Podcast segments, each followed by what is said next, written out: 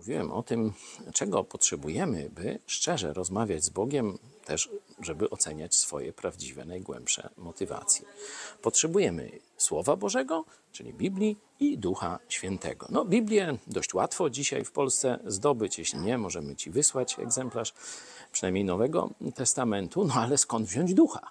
Ktoś powie, nie? Skąd wiedzieć, czy ja mam Ducha Świętego, czy nie? Na to pytanie odpowiada apostoł Paweł w liście do Rzymian, 8 rozdział, mówi tak.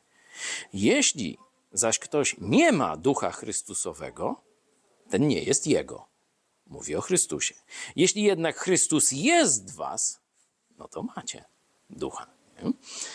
Stąd odpowiedź jest prosta.